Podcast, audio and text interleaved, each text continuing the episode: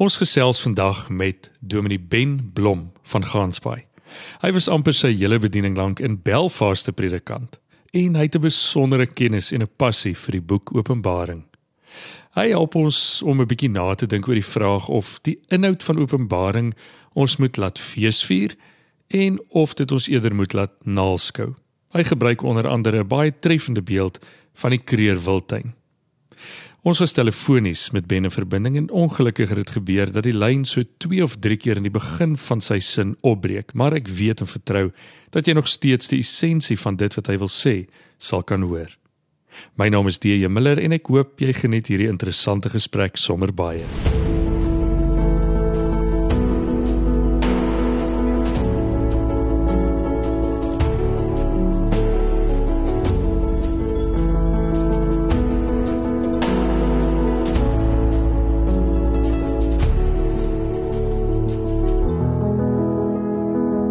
Ben baie baie dankie vir jou tyd en jou saamgesels vandag.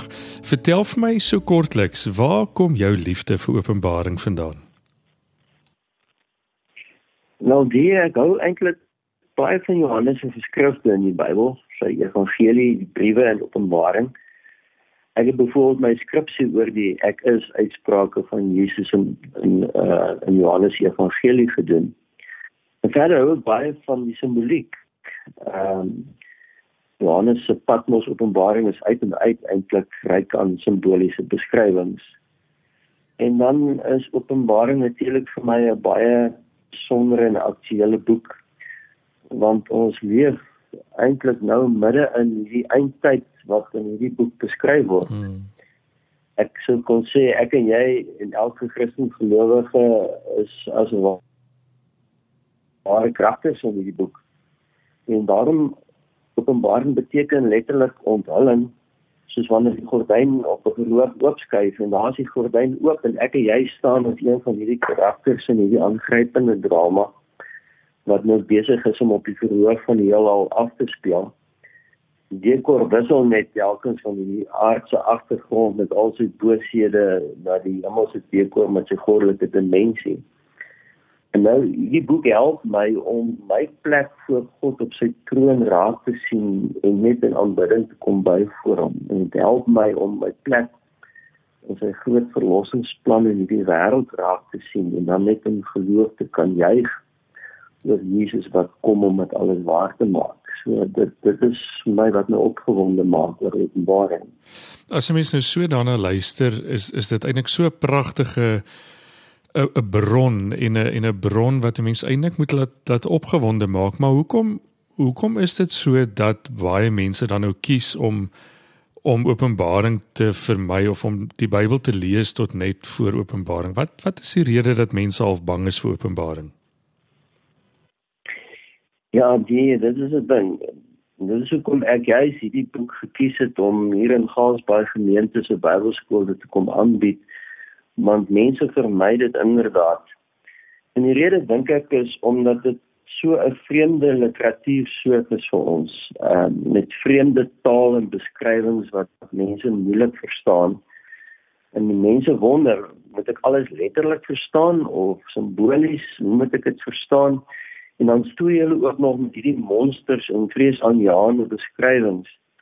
En vir hulle te lees want dit is te ontstellend en te onverstaanbaar en vreemd. En dit veroorsaak dat hulle dalk wegskram van Openbaring om dit enigsins te lees of verder te bestudeer. As 'n mens kyk na die die omstandighede waarbinne ons vandag leef en 'n mens sou dit vergelyk met die omstandighede waarbinne Openbaring geskryf is, hoe verskil dit of hoe stem dit ooreen? Wel, die om Openbaring se boodskap vir ons tyd reg en goed te kan verstaan, wil ek saam met jou stem is belangrik om die tyd historiese agtergrond van die Romeinse tydvak waarin dit afspeel in ag te neem. En kyk ons na hierdie tyd historiese agtergrond waarteen ons Openbaring moet verstaan, dan sien ons dat Jesus juis sy onthulling aan Johannes daar op Patmos eiland kom gee waar hy verban was deur die Romeinse ryk in 'n tyd ook waarin Christen gelowiges as 'n kerk baie swaar gekry het onder hierdie Romeinse heerskappy met sy keiserkultus en heidense praktyke en denkwyses.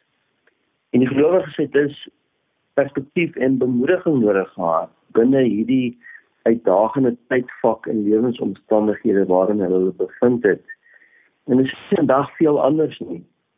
Wêreldomstandighede en denkwyses en regerders net soos in die Romeinse era maak dit steeds vandag vir baie Christen gelowiges uiters moeilik en selfs ondraaglik om dan hulle Christelike waardes te kan toepas en te kan uitleef en en, en daarin te kan volhard. Hmm. So die wêreldomstandighede van toe en vandag het nogal heel wat raakpunte so ek sê.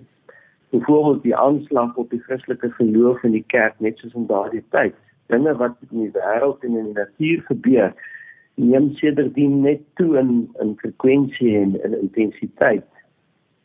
En ons leef tans in die tye waarin die verskriklike en aardige werklikhede wat in Openbaring simbolies beskryf word, toenemend beleef word. En daarom kom gee Openbaring juis vir ons ook nou hierdie perspektief. En Jesus kom roep ons ook as sy kerk op om om wakker en paraat te wees teen hierdie wêreldse aanslag van leenagtige propaganda en wêreldse en bose manier van dink en doen wat ons sien. So in daardie tyd het ook die versoeking bestaan om om kompromieë nou met die wêreld aan te gaan. En dis vandag nog steeds die gevaar waarin Jesus ook sy volgelinge in die sewe briewe daar in Klein-Asië aan sy gemeentes gewaarsku het. So binne hierdie omstandighede waar die boek tot stand gekom het, die lyk vir my is maar ook soortgelyk aan die omstandighede waarin ons leef vandag. Net 'n ander tyd. Ja. Dis eintlik skerry tye waarbinne ons leef. Ek meen ek ek dink tussen my en jou is daar 'n redelike ouderdomsverskil. Ehm um, ek weet my ouma het byvoorbeeld groot geraak in 'n tyd waar daar 'n wêreldoorlog was. Sy is in 1925 gebore. Ehm um, en 'n mens het altyd as jy my ouderdom is en ek dink selfs mense wat ouer is as ek, het 'n mens van oorloë en pandemies net in boeke gelees en in geskiedenis geleer uh, op skool. En nou leef ons in 2023 en ons is deur 'n pandemie. Ek meen my kinders wat op laerskool is, het die ervaring van 'n pandemie gehad. Hulle weet dat daar op meer as een plek in hierdie wêreld tans 'n uh, oorlog aan die gang is. So dit is dis skerry om nou te leef. En nou is my vraag: is die doel van Openbaring om verder vrees te skep vir die toekoms of vir die wederkoms soos dit baie mense glo en dat Openbaring jou amper jou naels wil laat kou. Ehm um, en dat dit juist dan nou hierdie vrees is wat mense dwing om om reg te leef. Ja, ja, ja, dis dis ironie, nee. Maar Openbaring wil eerder juist die perspektief en die hoop en die verwagting kom skep by ons deur as ware die die onsigbare vir ons te laat sien en die onhoorbare vir ons te laat hoor. Want ons kyk so vas teen die sigbare en hierdie ongenaakbare realiteit is wat jy nou net genoem het ook. En ons hoor net hierdie klaagliedere van die skepping ook en en die mensdom wat vasgevang is in in hierdie maalkolk van al hierdie ellendes waarna jy verwys het wat as ware afspiraal in 'n donker gat wat mense vreesagtig maak uh dinge wat die mens magteloos en moedeloos en bang en kwaad maak en noem maar op. Uh wat is die uiteinde van dit alles wat ons sien en hoor so 'n mens kom vra. En dis juis openbaring wat vir ons hierdie perspektief wil kom gee. Lig en antwoord wil gee in die donker verwarrende drama op die wêreld se verhoog. Vir ons die gordyn wil kom oopskuif en God se plan vir sy skepingswerk en die mensdom wil kom onthou. En dit begin op 'n aangrypende manier in Openbaring met Jesus se stem wat soos 'n harde trompet geskalk klink daar vir Johannes op Patmos. Uh sodat almal moet weet en almal moet kan hoor wat die Heilige Gees wil sê en wat hulle moet sien met die Gees se oë soos wat hy dit wil gesien het want uh met Johannes se beskrywing van sy visioene wil hy ons wys wat ons moet kan sien andersins nie en wat ons moet hoor. Uh en dit is wat Openbaring vir ons gee. Hy gee vir ons hierdie hemelse dimensie, 'n goddelike dimensie. En elke Christen gelowige dink ek jy moet vir God die enig ook so kan sien en hoor in Openbaring. Om sien op die troon. Hy heers. Hy heers in hierdie omstandighede wat vir ons lyk asof dinge buite beheer is. Hy heers nou en tot in ewigheid.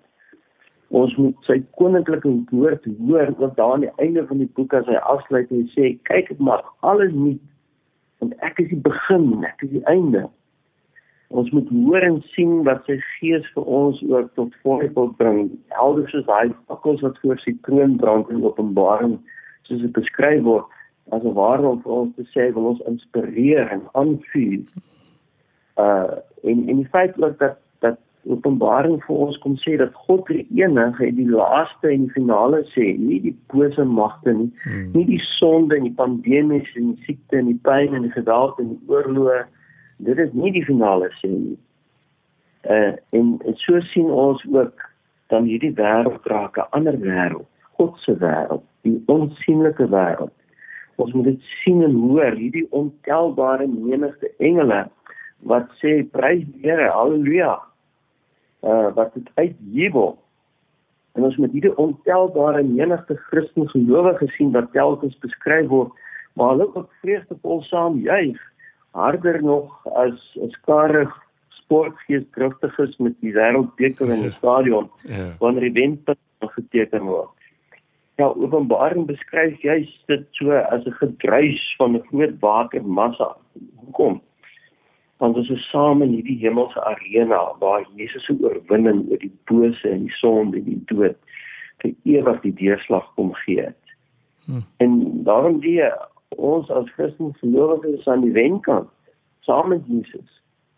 En wat vir my so treffend is in Openbaring is dat selfs die skepping is hierbe ingesluit met die beskrywing wat daar gegee word van die vier diere is uh, vier lewende wesens, die vier diere eintlik die drie diere in in die mens, die leeu, die arend, die bul en die mens wat wat as ware die skepping verteenwoordig en hulle leef en hulle loof die skepper van die heelal in harmonie. So Openbaring beskryf vir ons Jesus kom. Hy kom met 'n oordeelsdag, ja. Maar ons hoef nie die oordeel te vrees ons kan onvrees want daardie Here is my en jou Here. En met Openbaring se perspektiewe kan ons nou al met vreugde en verwagting leef eerder as met vrees. Ja. Kom ons maak dit gou vir 'n oomblik prakties. Uh, ons vra die vraag so what. Ehm um, as ons sê Openbaring wil vir ons hoop gee. Openbaring beskryf iets van hierdie oorwinningsarena waarbinne ons beweeg. Hoe moet 'n lidmaat en ek meen ons praat hier met lidmate, ons praat met mense wat wat nie noodwendig teologiese opleiding het om die die die die skills te hê om openbaring regtig te kan bestudeer soos wat ek wil amper sê in aanhalingstekens 'n gewone leser dit sal lees nie. Hoe kry iemand wat net openbaring lees dit reg om juis die hoop raak te sien en nie net vas te kyk in hierdie hierdie vreemde vreesaanjaende of of afgryslike simbole en beelde nie. Ja, uh, die in hierdie ehm um, aardse konteks waarin ons is, word hierdie hemelse dimensie mos nou deur Jesus openbaar wat ek en jy andersins nie sou kon sien nie. Dit wil my laat ontdek en sien. So ek sou sê 'n lidmaat moet moet as ware dit nou gaan gaan soek. Dit is amper soos 'n ontdekkingstog deur die wildtuin so ek wil sê. Jy kan teen al die bome en die bosse vaskyk en as ware niks diere sien nie. Maar as jy mooi kyk dan sien jy hulle raak. Aanvanklik dalk baie moeilik, maar al gaan raak die oog geoefen en ingestel. En so met ons nou ook as ons die boek Openbaring gaan lees, nie bly vaskyk net teen hierdie onverstaanbare vreemde begrippe of beskrywings nie. Nou mense kon vra wat wat wat moet ons hier in Openbaring se woltuin verwag? Wat waarvoor moet ons soek? En ek wil sê maar ons fokus om hier op Jesus se oorwinningsbeloftes wat daarin opgesluit lê in die sewe briewe byvoorbeeld. Verwys dit telkens daarna Uh en dat ons ons moet verwonder oor die onthulling van God se troonsaal wat daar beskryf word in hoofstuk 4 met 'n kleurespel wat vir my so aanskoulik lyk te wees soos soos noorderligte. Ek weet nie hoe anders nie. En dan om om saam in aanbidding te buig wanneer God telkens op sy troon besing word. Ook in aanbidding te buig. Hmm. Ek het dit nou ook al daarna verwys dat ons moet sien en hoor hierdie ontelbare menigte Christen gelowiges wat wat saam met Jesus daar staan terwyl dit ook jou en my verlossing en oorwinning is wat ons vreugdevol kan uitroep my redding kom van hom wat op die kroon sit en van die lam. En deurgaans word hierdie tonele van hoop beskryf wat ons as Christen gelowiges uitbeeld as 'n feesvierende skare saam met Jesus. En dat ons op die uitkyk moet wees vir hierdie geleenthede wat ons in Openbaring van lees en van die sewe seënspreuke wat hier in die van Openbaring as ware soos soos kosbare skatte versteek is.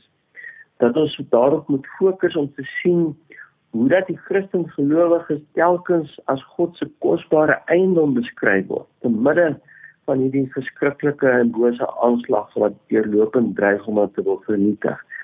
En dat ons ook ons kan verwis dat in Johannes die Christen gelowiges en hulle nuwe hemelse bestaan probeer beskryf. Dis amper asof hy soek na die woorde en beelde maar hy, hy beskryf dit met dinge wat mooi is en rein en kosbaar en duursaam is vir sy tyd maar ook vir ons.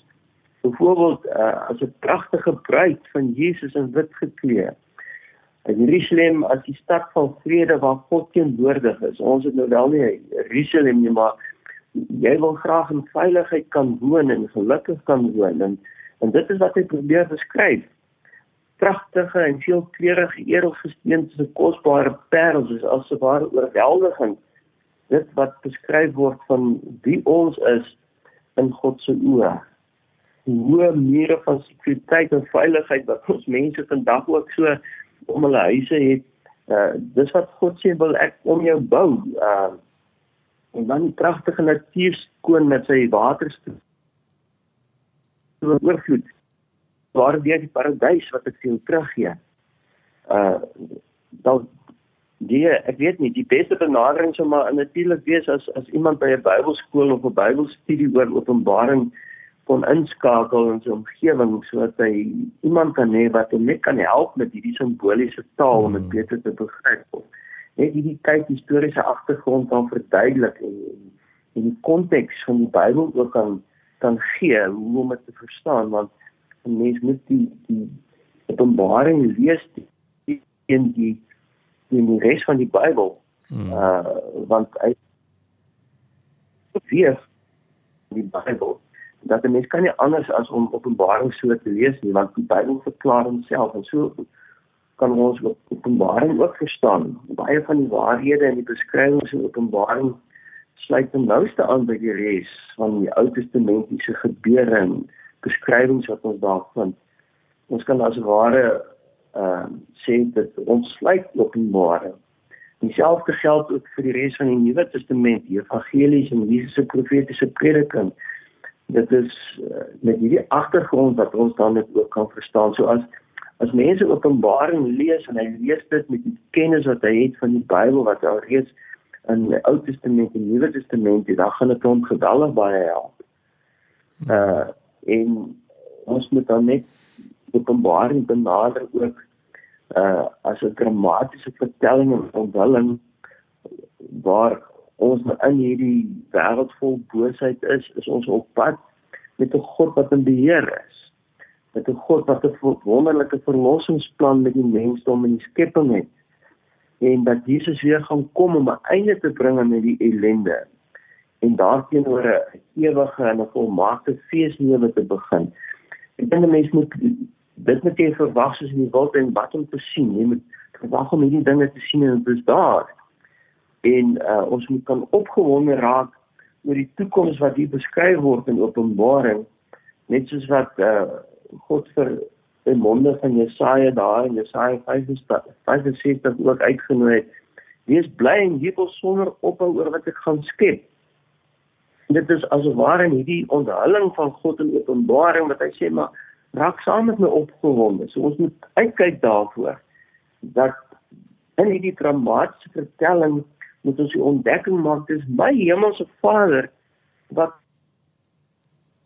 kom is en wat oorwinnaar is op die witberg wat my kom haal sy bruid en dit is die gees wat in my woon wat my gaan help om hierdie beloftes in perspektiewe te kry in openbaring om om as 'n ware vir my openbaring te ontsluit en te help verstaan want dit is die Heilige Gees wat die Bybel geïnspireer het wat nou ook openbaring geïnspireer het wat nou vir my kan inspireer met hierdie jubeling in my hart.